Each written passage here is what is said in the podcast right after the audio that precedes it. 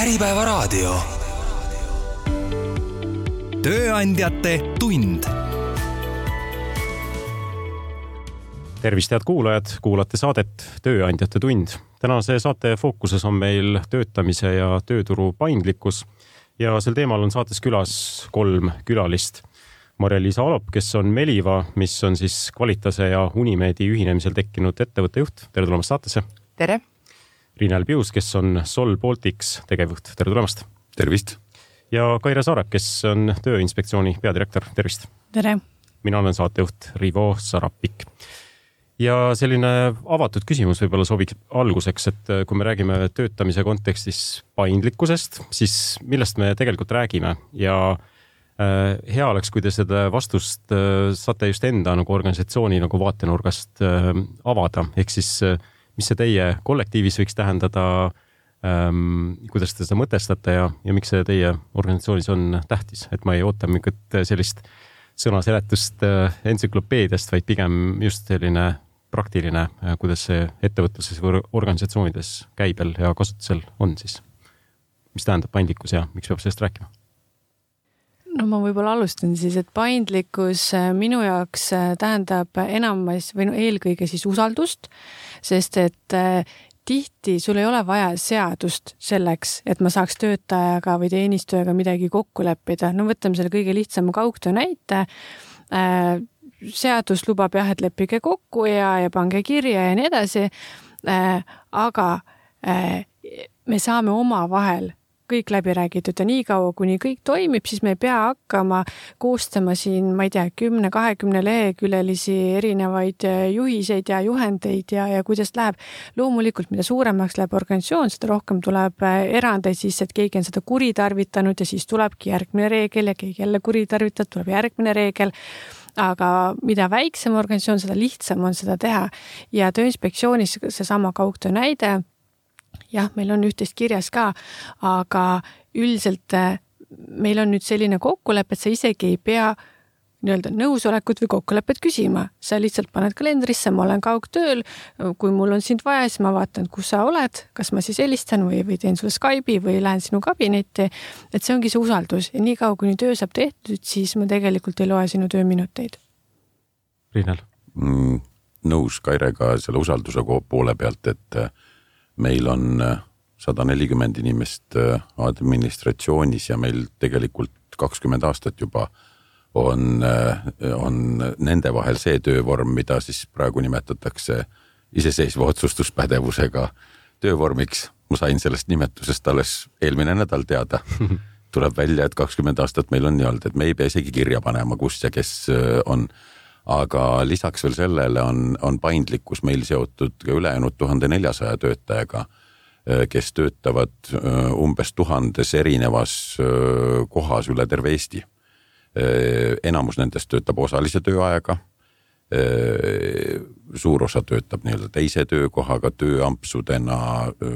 täna töötab tunnikene, homme töötab kaheksa tunnikest. nii et meil on nagu see aeg ja koht on selles paindlikkuses ka ülitähtis ja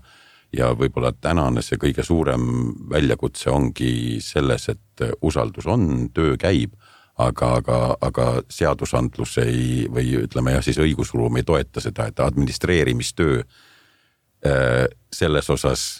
et kuidas reguleerida paindlikkust, on niivõrd suur, et meil on päris mitu inimest eraldi selle peal lihtsalt tööl. Väga hea, nendest detailidest saame rääkida ja nendest mõistetest ka, mis siin läbi käinud on, see iseseisva otsustuspädevusega töötaja mõiste pole vist aastatki veel tegelikult ju seaduse mõistes nagu kehtinud, et sellest räägime lähemalt ka ja kaugtöö reguleerimisest ka, aga Marja-Liisa, sinu vaade paindlikkusele? ja no meditsiini vaates äh, ma arvan, et ma räägin natuke teistsugusest paindlikkusest, et see, millest äh, eelkõnelejad rääkisid, et, äh, et selge see, et see heas organisatsioonis selline usaldussuhtel toimib ja, ja, ja töösuhted on mõistlikud ja keegi minuteid, minuteid ei loe. Kui me räägime ikkagi sellest päris meditsiinitegevusest, siis sellist paindlikkust arstidele, õdedele me võimaldada ka ei saa, et, et, et võib-olla sa saad tulla, et patsiendid ootavad ja, ja loodame endast parimat, et, et kui, kui ikkagi patsiendid ootavad, siis me loodame, et see inimene on ka see päev kohal. Aga need mured on võib-olla samas kohas, mida Rinel juba nimetas, on ju, et et äh, see õigusruum seab üsna jäigad piirid sellele, kui inimesed tahaksid ajutiselt töötada suurema koormusega, siis väiksemaga. Äh, me näeme, et noorem põlvkond äh, arste-õdesid, kes tulevad tööturule, nad oleks valmis töötama kuus kuud hästi intensiivselt selleks, et minna siis kolm või neli kuud maailmas ringi reisida. ja siis me vaatame teineteisele kurva näoga otsa, et me kahjuks lihtsalt ei saa sul lubada rohkem, rohkem töötada, on ju. lahendus on see, et ta saab teha neid töötunde teises kohas, siis on see töötaja veel kurvem, et ta peab kahjuks seda mujal tegema, aga selline paradoks, paradoks on, et, et ta mujal nii-öelda võib seda lisakoormust võtta ja meie juures ei või. et need on need murekohad aga kuidas te neid olukordi olete lahendanud, Rinel näiteks, et kas siis töö jääbki tegemata, et kui on töötaja, kellel on praegusest nii-öelda seadusest või seadustatud võimalusest välja jäävad soovid, et siis kuidas need soovid ja ettevõtte vajadused kokku saab panna? töö tegemata ei jää, et äh, pigem ongi noh, ütleme, kui arvud võib-olla on, on sellised, mis näitavad, et, et me võtame iga kuu umbes sada viiskümmend töötajat tööle. et ähm, kui nüüd ütelda, et mitu inimest seal taga on, siis neid inimesi, neid üksikuid inimesi on seal tegelikult ainult umbes viiskümmend aga, aga see vahe siis tekibki sellest, et, et noh, näiteks, näiteks need tööampsud, mida siis järjestikku ühe kuu jooksul võib kaheksa päeva järjest võtta. meile pole kaheksa päeva järjest vaja, aga meil on kaheksa päeva vaja küll. nii et inimene võetakse tööle hommikul, õhtul lõpetatakse tööleping, makstakse palk, kaks päeva läheb mööda, täpselt seesama inimene võetakse jälle hommikul tööle õhtul lõpetatakse, makstakse palk, nii et see üks inimene siis tuleb meil kaheksa korda tööle, läheb kaheksa korda ära kaheksa korda tehakse talle ka palk ja, ja, ja kokku tulebki umbes sada viiskümmend äh, nii-öelda lepingut kuus, aga tegelikult seal inimesi on taga jah, kakskümmend kuni, kuni viiskümmend. Või, või see teine arv, mis tõestab, et, et kui palju on jah, nii-öelda mm, kui, kui suur on see inim, inimkäive, et me, meie värbamisosakond suhtleb umbes viieteistkümne tuhande inimesega aastas et, et kogu seda asja siis teha või tähendab viisteist tuhat korda aastas, ütleme siis niimoodi, inimesi on ilmselt seal jällegi vähem taga, eks. Et, et see töö tehakse ära, aga selle töö tegemiseks läheb väga palju liigset mõttetut vaeva ja, ja loomulikult on veel teised sellised näitajad seal taga, et kuna viisteist 15 kuna, kuna see inimkäive on hästi suur, siis meie värbamisosakond on väga hea indikaator selleks, et kui kas mingi seadus on muutunud või midagi on nagu valesti läinud. et nüüd on juba peale, peale seda Covidit on väga suur näitaja see, et ukse taga nii-öelda musta raha teenijate järjekord on väga suur, neid me võiksime võtta kümnete ja kahekümnete kaupa iga päev ja samamoodi siis need, kes nagu võsslepinguga oleks nii-öelda nõus tulema, aga see on ka meil nagu eetiliselt vastuvõetamatu. nii et enne Covidit ei olnud sellist näitajat, et üheksakümnendatel oli sama suur, siis läks mõnusalt alla ja ka nüüd viimastel aastatel on see noh, sõna otseses mõttes ma arvan, me saaksime teha teise ettevõtte kõrvale, kus oleks tuhat viissada inimest musta raha teenijatena kirjas aga Marja-Liisa, sinu kogemus,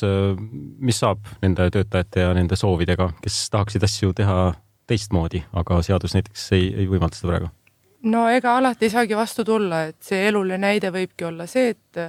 hambaravis näiteks arst ja assistent töötavad tandemina ja väga tihti nad töötavad pikki aastaid kokku, et see mõistmine oleks nii, et ma näen juba su kuklast, millist instrumenti sa tahad, mida me järgmisena teeme kuidas me patsienti võib-olla rahustame, kui ta on natuke mures. Äh, ja juhtubki nii, et, äh, et kui nüüd ühe assistendi äh, tunnid saavad täis, siis me peame võib-olla selle pika paari lahutama, see ummeerimisperioodi lõpp läheneb, tunnid on täis. me ütleme sellele assistendile, sa kahjuks ei saa rohkem teha ta tunneb ennast halvasti, ta veab seda arsti alt, ta tegelikult hea meelega võib-olla teeks ka need lisatunnid ära ja siis hakkame otsima seda asendusinimest, kes läheks sinna kabinetti tööle Äh, arst ei ole väga õnnelik, see assistent, kellega ta tavaliselt töötab, ei ole väga õnnelik ja ega see, kes sinna peab tulema asendama sellist äh, nagu ikkagi keerulist ravisituatsiooni, me räägime kindlasti tihti ka hambaravi eriarstidest, kes teevad kirurgiat, sellist äh, keerukamat juureravi. Et see on ka sellele asendavale assistendile päris stressirohke olukord kuidas te enda organisatsioonides näete, kust see vajadus paindlikkuse järgi tuleb, kas see tuleneb näiteks uue põlvkonna töötajatest ma ei tea, kriisi ajal, pandeemia ajal saadud kogemus sellest, et tegelikult saab ka osatööd teha distantsilt, et ei olegi kontorit tarvis. noored soovivad töötada erinevates organisatsioonides, hästi vabalt juhtida oma aega, et mis see käivitav jõud seal taga on, et me üldse peame sel teemal praegu rääkima? no äkki see on ikkagi nende asjade kombinatsioon, et äh, ma ikkagi ütleks, et see uus põlvkond, kes tuleb tööturule äh,, kindlasti tahab oma elu nagu veits paindlikumalt korraldada, et nad võib-olla ei, ei mõtle nii, et ma nüüd asun sellele töökohale ja ma käin äh, viis päeva nädalas sellest kellast äh, selle kellaajani tööl äh,. Nad tahavad võtta pikemaid äh, pause Äh, nad tahavad minna vahepeal kuhugi edasi õppima, nad tahavad koguda mingil ajal raha mingisuguseks järgmiseks eluetapiks. Äh, ja võib-olla ka üleüldiselt ikkagi see, ma ei tea, kas ühiskonna arengutase on seal, et äh, inimesed tahavad rohkem vaba aega ja on valmis mingil teisel hetkel jälle rohkem pingutama, et et lihtsalt see meie enda elud ei ole ju ka nii stabiilsed, ma igal päeval olen samasuguse energiatasemega ja igas eluetapis või igal aastaajal tahan sama palju äh, Äh, olen valmis sama palju pingutama, et, äh, et ma arvan, kuidagi on nüüd see tunne, et see võiks töösuhetesse ka jõuda, see meie päris, päris elu. valdkonna eripära on meil veel lisaks sellele, mis nüüd äh, eelkõneleja kõneles, et, et meie valdkond koristus on olnud ja, ja on ka täna ja kindlasti ma ei tea, kui kauaks aastakümneteks ta jääb alati lisatööks. ehk Eh, enamus inimesi meil töötavad kuskil mujal päristööna ja tee- ja teevad meie juures lisa. Eh, seal on ja seal on need erinevad põhjused, eks ole, täna on päris äge muudatus tehtud äkki juba paar aastat tagasi, et kes on eh, töötuna arvel, nad saavad teha seesama tööampsu kahe, eks ju, iga kuu Need, kes on kuskil täiskohaga tööl, saavad teha need mõned, mõned kümned lisatunnid meie juures. Need, kellel on sõna otseses mõttes kodus igav, saaksid teha kakskümmend tundi kuus meil tööd, on ju, et nüüd seoses inflatsiooniga meil eelmine aasta just äh, väga palju rõhusime sellele, et tule lisatööle, et, et inimene, kes on tööl kuskil raamatupidajana või meditsiiniõena või kellega, et ta ei pea sellepärast minema äh, Äh, noh, kuskile raskele füüsilisele tööle, et, et, et palka juurde saada, tehku oma tööd edasi, tehku paarkümmend tundi meil juures. et tegelikult meil tuleb sealt see pea paindlikkuse vajadus, et, et noh, ja pluss need traditsioonilised, et noored ja kõik ja, ja, ja see muu sinna hulka. aga vaata, kui huvitav äh, paradoks, et äh, kui ma tahaksin näiteks sterilisatsioonitöötajale või hambaraviassistendile, meditsiiniõele, kes soovib lisa teenida, pakkuda, et aga tee see koristus meil õhtul kliinikus, võta see enda peale äh, või võta mingisugune andmete sisestamine enda peale või midagi, äh, siis me ei tohi seda teha, sest et tal on töökoormus täis, on ju mm. et äh, mis tähendab tema jaoks tegelikult seda, et ta peab otsima selle teise tööandja, võib-olla liikuma veel nagu teise asukohta, kui see noh, koristamine ilmselgelt, see ei ole kaugtöö, on ju et, et selles suhtes, et meie ei saa seda pakkuda ja me olemegi tihti selles paradoksis, et, et meil oleks võimalik pakkuda mingisuguseid lisatöid, aga noh me teame, et see ei ole okei okay ja ei tundu ka okei okay kuidagi nende võistlepingutega seda lisakoormust nagu siis inimestele peale panna, et. Ähm,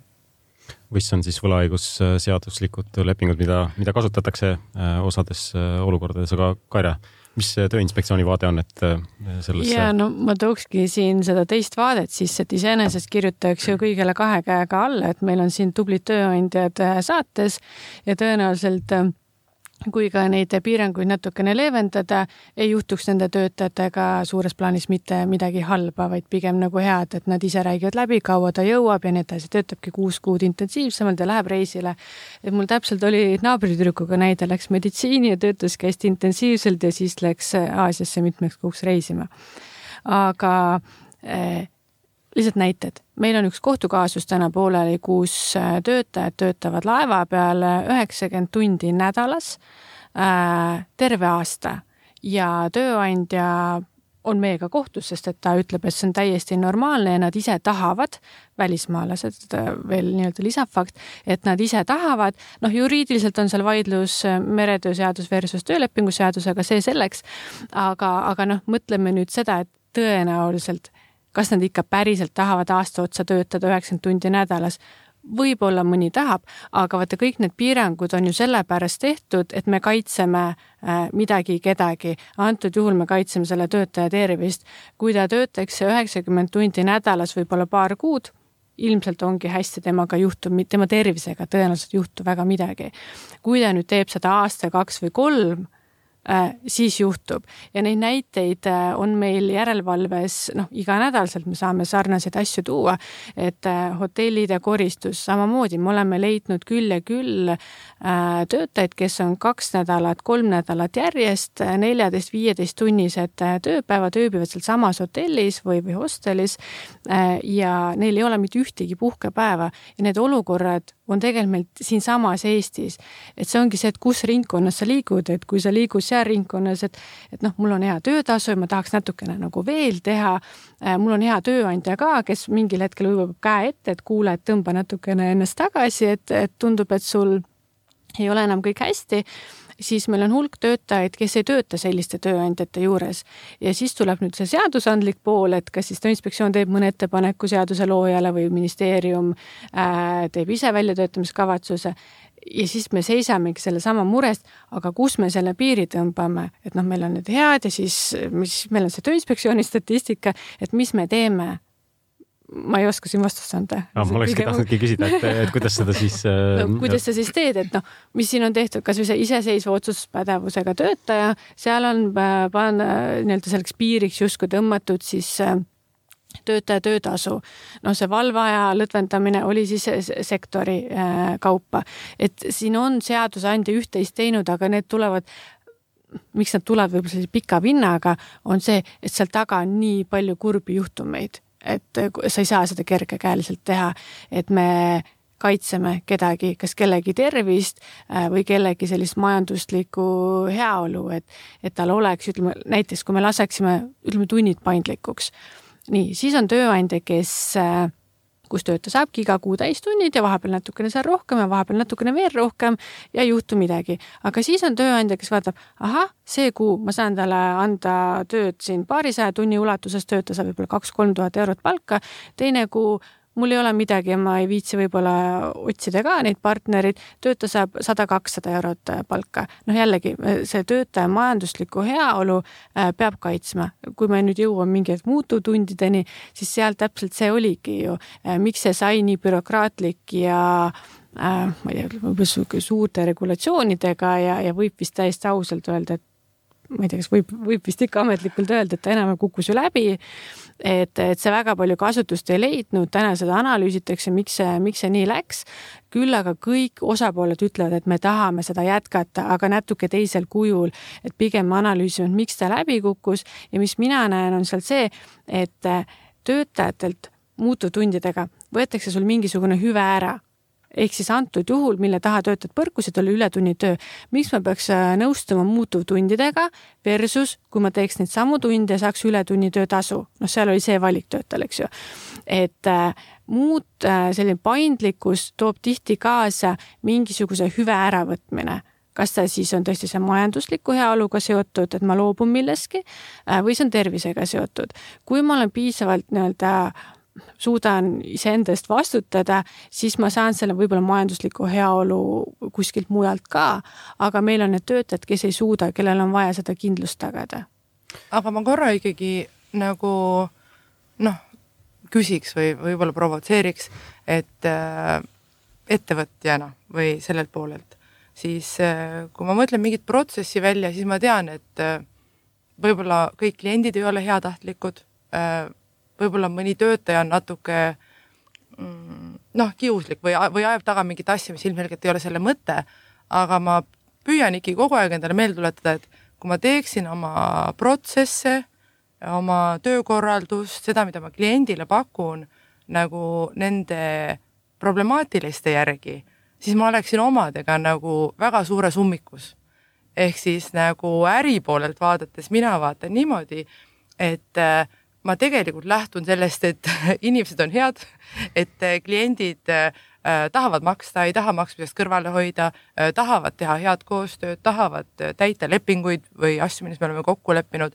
äh,. ja ma saan nagu aru, et riik on natuke teistsuguses rollis, on ju, äh, ja, ja meie kõigi ühine mure on, on hoolitseda selle eest, et kuskil inimestega halvasti ümber ei käidaks, et nad üle ei töötaks ja kui neil tekivad tervisemured, siis see on kogu meie ühiskonnaga kanda, see tervisemure lahendamine.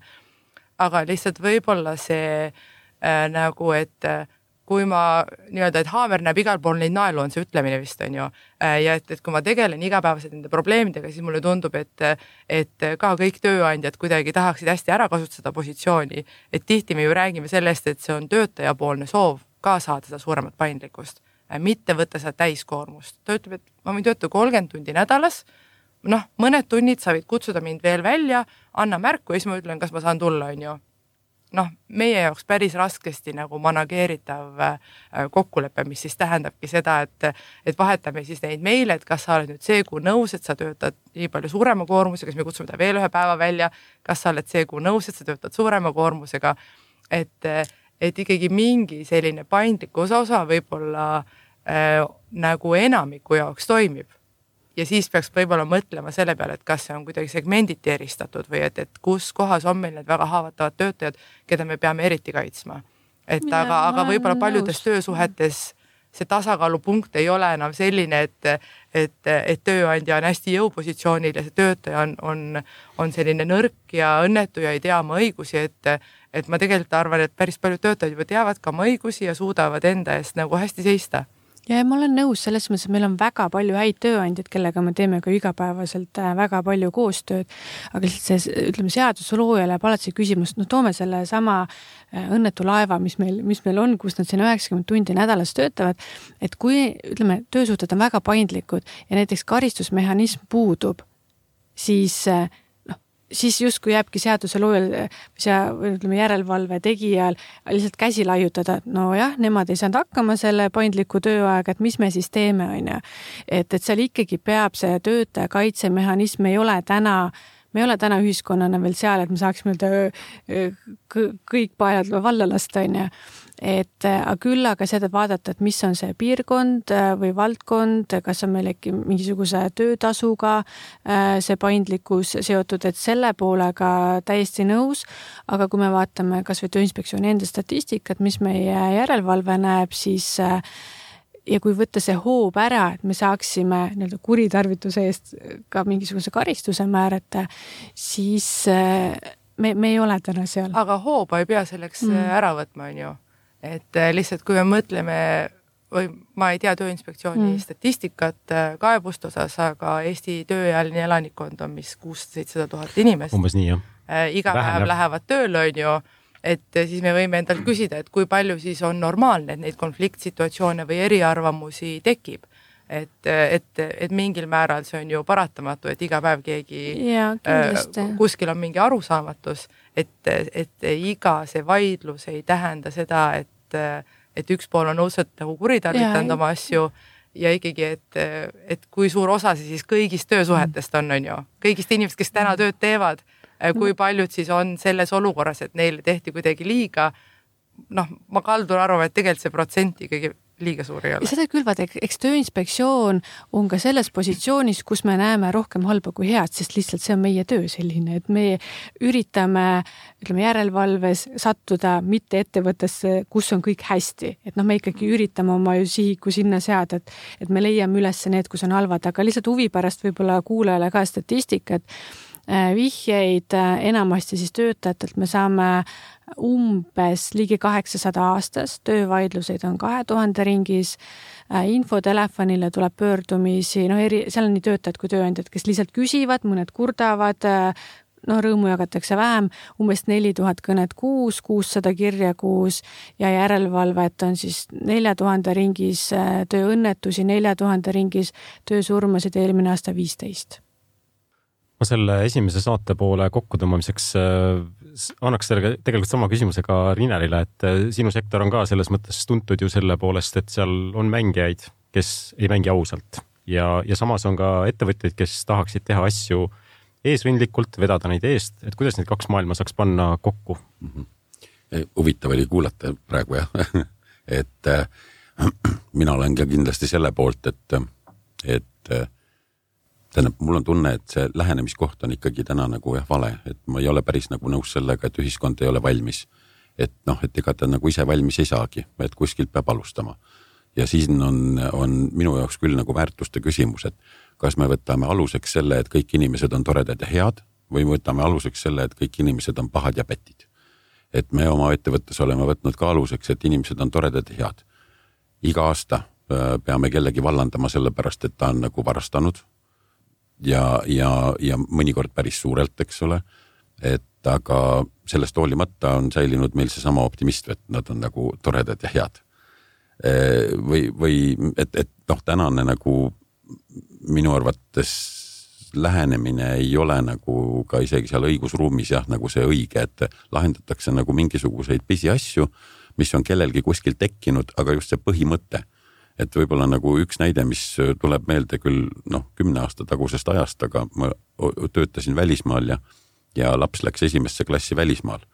ja siis ma sain, noh kolisime sinna ära, september tuli kätte ja siis tuli meil, meil poksikiri äh, ja, ja äh, haridusametist äkki. ja siis see oli poolteist lehte ainult. esimene lause oli see, et, et te ei ole informeerinud noh, et kuhu, kuhu kooli teie laps Eestis läheb ja siis ülejäänud poolteist lehte olid siis paragrahvid karistustega, mis algasid nagu siis meeldetuletusega rahvatrahvidest, kus lõppes vist minu arvates lapse äravõtmise ja vangi panekuga, et no see oli ikka päris õudne lugemine. ja siis ma helistasin sinna telefoninumbrile no mul käisid juba peast läbi, et nüüd ma pean lapsega uuesti Eestisse tagasi tulema ja käima kõik ametiasutused läbi ja teda kuskile registreerima. helistasin sinna, ütlesin nime, kes ma olen. Ütlesin, et mul laps läheb välismaal kooli, vastus oli, ai väga tore, siis ma panen kirja. ütlesin, kas ma nüüd pean kuskile veel helistama või omavalitsusse. ei, ei, kõik on korras. mul isegi ei tuvastatud, et mina olen nagu see õige isa, kes sinna helistas. Need num-, telefoninumbrid on igal pool olemas, miks ta ei helistanud mulle? aga mul oli ikka tõsiselt võttis higiseks, sest noh, ja vot see on minu jaoks see lähtekoht, et vaja oli teada saada seda informatsiooni lihtsalt, aga selle informatsiooni teadasaamiseks pandi noh, poolteist lehekülge paragrahve. Ja mul on tunne, et väga paljudes asjades on täna ka niimoodi, et, et need numbrid, mis olid, et kaks tuhat töövaidlust aastas ja midagi, kui ma praegu seda mõtlen, et meie ettevõttes on kaks tuhat kakssada töötajat. aga et kui palju on ettevõtteid Eestis, et siis see on tegelikult väga väike arv ju. Äh, et, äh, et ähm, meiegi oleme nagu ütleme, et aastas võib-olla üks või kaks töövaidlust nagu juhtub ja, ja, ja seal meil on näiteks ka lihtsalt ka ühe näitena nagu välja käia, et oleme teinud ise vigasid, on, eks ju, töötaja valesti aru saanud. Me oleme lahendanud mõlemad vead niimoodi, et, et, et jumala eest mitte kohtute äh, üle koormata ja, ja lihtsalt nagu läinud kiiresti kahe noh, nagu, nagu sa ennem ka ütlesid, et, et, et laua taha leppinud kokku ja maksnud siis, eks ole, kui me oleme süüdi, muidugi maksame ja kui me ka ei ole süüdi, siis lõpetame selle teema ära. et noh, see ei ole nagu niivõrd oluline, eks ole. nii et mm, ma ei tea, kas see nüüd oli mingisugune vastus sellele küsimusele ma lasen sellel, selle üle kuulajal otsustada paindlikkus äh, töötamises on äh, tänase saate teema ja mõned sellised muutused äh, viimasest aastast saame ka läbi käia, mida saate esimeses pooles hästi põgusalt puudutasime. võib-olla see iseseisev otsustuspädevusega töötaja, see on siis inimene, kes saab ise oma tööaega korraldada ja talle ei kohaldu siis töö ja puhkeaja osad reeglid ja on siis osades ametites äh, võimalik seda kasutada. Linnar, sina sisseotses äh, esimese saate pooles ütlesid, et, et olete vaikimisi seda juba kasutanud, aga kas nüüd pärast seda, kui see regulatsioon tuli, et sa sellest mõistest küll üsna hiljuti kuulsid, aga et kas äh, olete kuidagi viimase aasta jooksul seda kasutusele ka võtnud? Ehm, no me võtame ta kasutusele jah, sest me päriselt ka avastasime selle suhteliselt hiljuti kuna noh, see ei olnud meil kunagi probleemi tekitanud. et äh, sest meie, mm, meie selline töövorm administratsioonitöötajate hulgas on tegelikult tulenevalt meie töökultuurist. Äh, ja, ja, ja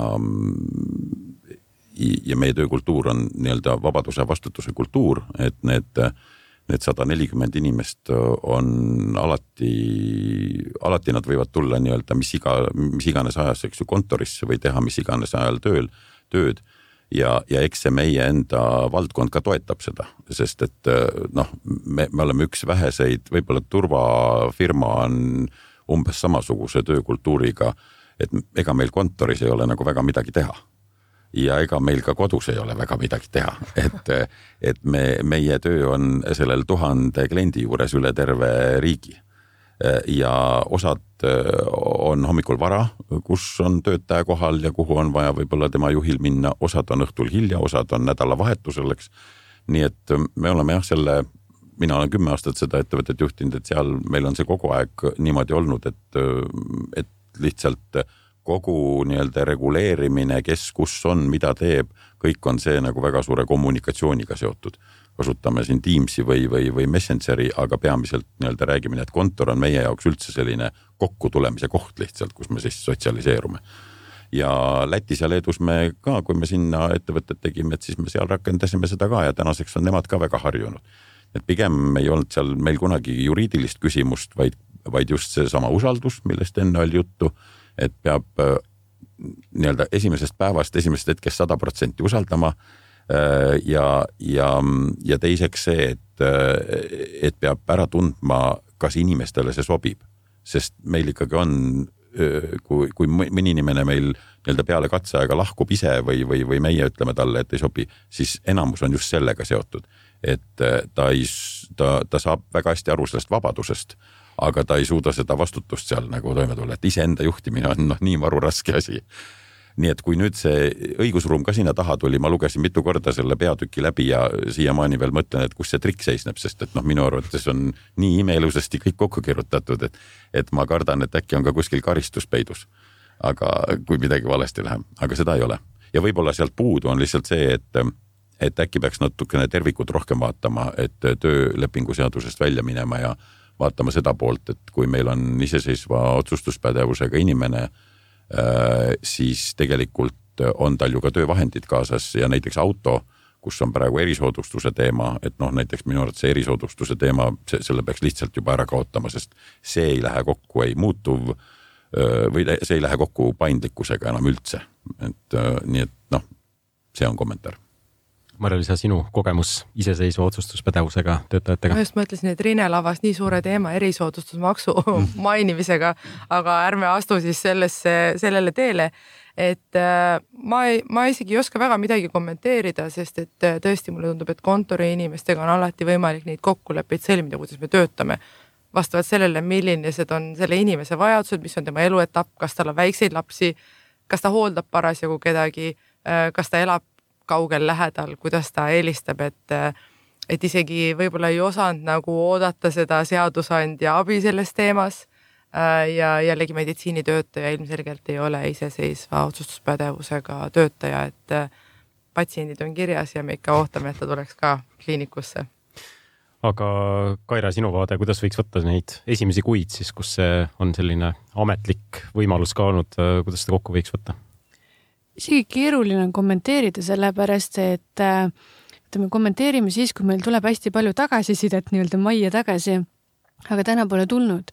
et kas see siis tähendabki seda, et kõik on äh, väga rahul, kõik on väga selge, äh, sest vot kohe, kui midagi ei ole selge, siis meie infotelefon teab seda kohe, kui kuskil on, ma ei tea, suur koondamine, siis me teame seda juba ennem, kui tööandja mingid paberid välja andnud, me teame selliseid asju. aga praegu meil ei ole midagi, meil ei ole statistikat, et järelikult mina järeldaks, et ju siis läks hästi. et ei ole kaebuseid, ei ole pöördumisi, ei ole lisaküsimusi, kuidas rakendada äh,. sellist ei ole, et vist on hästi. ma täiesti arvan samamoodi, et see on hästi, sest et äh, see peatükk on kirjutatud kellegi poolt kes oskab raske asja lihtsasti kirjutada, et sealt talle tuleks peremi anda, see pole üldse nende inimeste poolt kirjutatud, kes muidu seaduseid kokku panevad teine märksõna, mis ka saate esimeses pooles käis, äh, kaugtöö, et selle vastutuse jagamine sai ka äh, kokku lepitud siin äh, töötaja ja tööandja vahel. mis, mis me sellest võiksime järeldada, arvata, see kogemus, kuidas te näete seda? jällegi ma ütleksin natuke sarnase kommentaari, et äh, mitte me nüüd oleks oodanud, aga me oleme arvanud, et noh, et küll meile varsti tulevad suured vaidlused, et kus nad siis kodus kukuvad ja juhtuvad tööõnnetused, et millised siis need kohtuvaidlus olema saab just see vastutuse poole pealt, et kes kui palju vastutab. Ja ei ole, no meil ei ole selliseid vaidluseid, et enamasti ikkagi kaugtöös suudavad kokku leppida need, kellel ongi usaldus ja suhted on hästi. et äh, küll aga jah, meil on neid olukordi just nõustamises, eelkõige vaidlustesse nüüd ei jõua, kus töötaja sooviks kaugtööd teha, aga tööandja ütleb, et see on täiesti võimatu, et, et ei ole võimalik, et sa kodus äh, tööd teed. et, et sellised asjad ei toimu, võin täitsa hästi inetu näite ka siia korraks veel vahele tuua, et kus tööandja kommenteeris lausa töötaja kehakaalu, ütles, et sina ei saagi kodus tööd teha, et sa oleksid ju ainult külmkapi juures, et täitsa selline no rõve, räige diskrimineerimise juhtum siia veel juurde, onju. et äh, aga ütleme jah, vaidluseid ei ole äh,. küsimusi on üht-teist, et ikka nad küsivad, et noh, kui palju siis ma ei tea, elektrit tööandja peab ja pea tasustama, kuidas mul selle internetiühendusega on ja, ja on, aga need ei ole valdavad et üldiselt äh, need, kes tahavad kaugtööd teha, saavad kokku lepitud nii tegemise kohas, ajas, tingimustes äh, kui ka siis nendes äh, hüvitistes. Rinnal, Rinnal, Mare-Liisa, kuidas teil kogemus sellega? kogemus sama, et ja, ja minu arvates ka siit hea näide, et inimesed on tegelikult toredad ja head. ehk siis, et, et kui Ehm, et kui nad on saanud äh, ilma kaugtööta oma kodus hakkama ja oskavad kasutada pliiti, triikrauda ja, ja, ja kõiki neid asju, et siis paneme sinna selle kaugtöö sõna juurde, ta saab ikka seal kodus hakkama, eks ole, et ja, ja nii nagu sa, Kaire, ennem ka ütlesid, et kõige olulisem ongi see omavaheline kokkulepe ja ma hoian kahte pöialt pihus, et jumala eest sellele mingisuguseid ülereguleerimisi ei tuleks, et, et meil ehk siis seesama meie näide on ju see, et need meie inimesed töötavad nii, nii kodus, kui on vaja arvutiga teha, ka autos äh, arvutiga, et ja, ja, ja samuti, kes kellel on vaja olnud töölauda, tooli, arvutipatt ja tervet poolt kabineti sisustust, internetti, noh, need ongi, nendega me oleme niimoodi kokku leppinud ja ja ma arvan, et see on väga okei okay ja loodame, et sinna ülereguleerimist ei tule, sest noh, tegelikult ongi kõik täiskasvanud inimesed ja saavad hakkama. no siin ma tahakski öelda, et vaat sa ei saa regulatsiooniga või noh, ütleme seadustega vabandust, sa ei saa reguleerida inimeste suhteid, kuidas öelda, paremaks et noh, need, kes juba niigi suhtlevad hästi, neil on nagu hästi ja kui ma ütleme, see vastik näide, mis ma siia võib-olla vahepeale tulin, et ükskõik, milline see seadusandlus seal on, seda olukorda see tegelikult ei lahenda. aga ülereguleerimise mõiste võib-olla käib äh,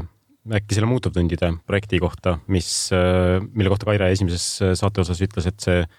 võib lugeda ebaõnnestunuks. see on,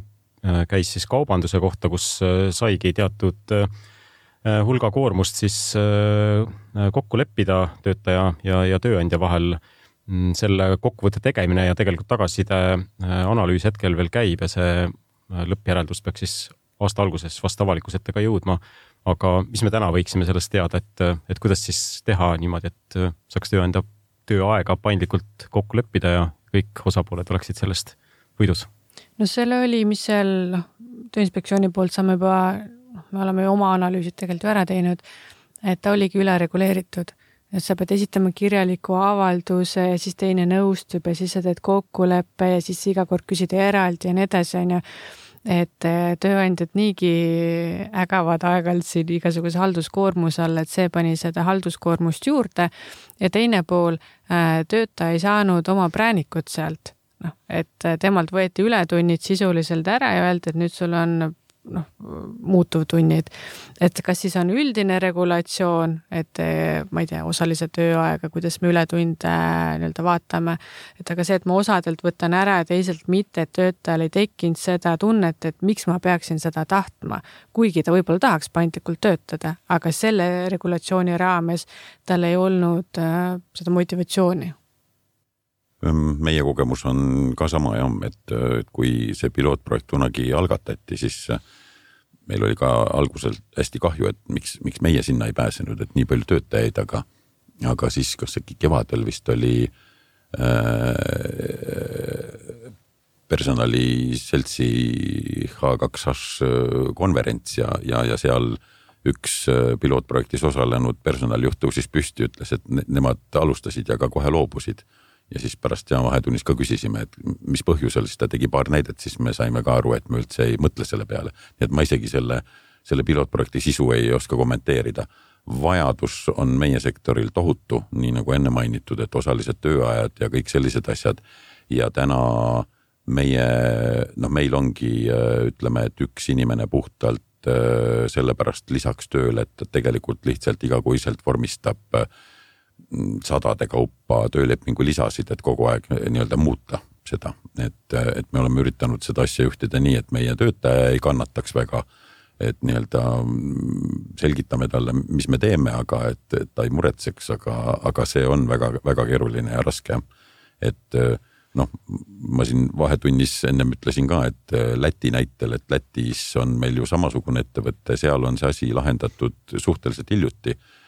riigi poolt nii, et ähm, on võimalus äh, teha tööleping äh, nii-öelda teatava arvu miinimumtundide peale ja kõik, mis muutub üles või alla isegi äh, mingi perioodi jooksul, selle üle ei pea mingit paberit tegema, lihtsalt on ta tööaja arvestus, see läheb kirja ja ületunnid hakkavad kehtima siis, kui on nii-öelda normtunnid tehtud, mis minu arvates ongi nagu ääretult normaalne. et, ähm, et võiks võib-olla isegi meie riik vaadata seekord võib-olla esmakordselt, aga seekord ka Läti poole, et äkki on midagi hästi läinud. jah, no sedasama mõtet jätkates tegelikult on see ju väga mõistlik, et ületunnid algavad normtundidest on ju, et äh, on küsimus, et miks ühe inimese ületunnid hakkavad kümnest tunnist, teisel inimesel kahekümnest tunnist, kolmandal kolmekümnest ja teisel siis, kui ta on nelikümmend tundi ära töötanud, et et mis see loogika seal taga on, et kui me räägime sellest tervise hoidmisest, siis ilmselt on need normtunnid, kui inimene ei ole just vähendatud töövõimega ja siis see on hoopis eraldi reguleeritud ju. oota ja siin ma saan teha hea vihje veel ühele uuele teemale, et, et, et kui nüüd äh, see analüüs vaadatakse meie tänaste pilootprojektide puhul üle ja hakatakse midagi korrigeerima, paremaks tegema, et siis tegelikult samal ajal tasuks vaadata ka sedasama sotsiaalmaksu miinimumi teemat, et näiteks meie ettevõte tänu sellele, et on osalised tööajad ja, ja, ja ja need nii-öelda muutuvtunnid me maksame iga aastal no lähedal kakssada tuhat eurot äh, lihtsalt äh, sotsiaalmaksu üle. noh, meil oleks väga palju häid kohti, kuhu oma firmasse raha nagu ära paigutada, et, et teda lihtsalt niimoodi peksta. Meil on paar minutit äh, saate lõpuni aega, paarist uuendusest ei jõudnud rääkida, aga nende kohta saab kuulaja ise lugeda, näiteks IKT sektoris lepiti paindlikuma valveaja võimalused kokku ja, ja töötute tööampsudest oli ka veidikene juttu ma praegu heidaks pilgu hoopis tulevikku, mis need märksõnad on, mis me paindlikkuse ja tööturu kontekstis peaksime või võiksime või kus suunas me võiksime liikuda, et mis, millega peaksime veel arvestama, arvestades seda, et see, see suund paindlikkuse poole kasvamas on ja mis teemana täna läbi veel käinud ei ole? ma ei tea, kas on vaja võtta enne uusi teemasid lauale, kui see nagu paindliku tööaja teema on lahendatud, sest ma arvan, et see tegelikult on kõige põletavam, ma saan aru, et see esimene piloot on hea õppetund selles suhtes ei, et, et äh, ilmselt peabki ebaõnnestuma korduvalt, on ju, et on neid kuulsaid näiteid, et mitu prototüüpi tuleb enne teha, kui sul on üks toimiv, äh, toimiv lahendus. et äh, ma ütleks ikkagi, et kõige tähtsam on minna tööaja, paindlikuma tööaja võimaldamisega edasi ja leida siis see järgmine lahendus, mida proovida. mul on hea meel selle üle, et ähm, väga mitu aastat on äh, nendel teemadel äh, räägitud Tööandjate Liidus, tööandjatega omavahel, kasvõi siin raadios ja, ja riigis, et et tegelikult on minu arvates juba väga suur samm ära tehtud, et see ikkagi on nagu väga paljudele mureks. ja, ja võib-olla märksõnad lihtsalt olekski, et, et no vähem äh, vähem neid äh, reegleid, et, äh, et, et just, et see lähtekoht oleks nagu õige ja rohkem terviklikkust, et äh, on, et kui, kui vaadatakse töölepingu seadust, siis peab ilmselt vaatama ka nagu mingeid maksu ja, ja muid kohti kokku, et see oleks sõnum. Hästi lühike kommentaar. No siis peaks tasakaal siis, et kus, kus see siis tasakaalupunkt on, et kuhu me selle tõmbame, et on need siis valdkonnad või töötajad või töötasud või, või et noh, alati ju seadusandja äh, laveerib siis kahe, ka kahe poole vahepeal, et kuhu, ühesõnaga märksõna tasakaal, lõpetame nii see on hea märksõna, tõmbamegi sellega sellele saatele joone alla, saates oli külas Marja-Liisa Alop, kes on Meliva juht, aitäh sulle. aitäh. Riina Elbius, kes on Soul Baltics tegevjuht, aitäh sulle ka. tänud. ja Kaire Saarep, kes on Tööinspektsiooni peadirektor, aitäh. aitäh. ja mina olen saatejuht Rivo Sarapik ning aitäh ka kuulajatele ja kuulmiseni